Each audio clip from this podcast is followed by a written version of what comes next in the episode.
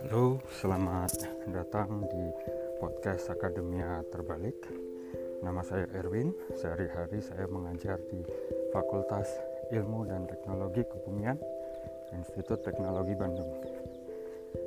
Podcast ini saya buat untuk memberikan persepsi yang berbeda bagi ibu dan bapak sekalian tentang riset, tentang publikasi, tentang uh, komunikasi sains, dan tentang hal-hal lain yang mungkin belum pernah ibu dan bapak dengarkan dari orang lain.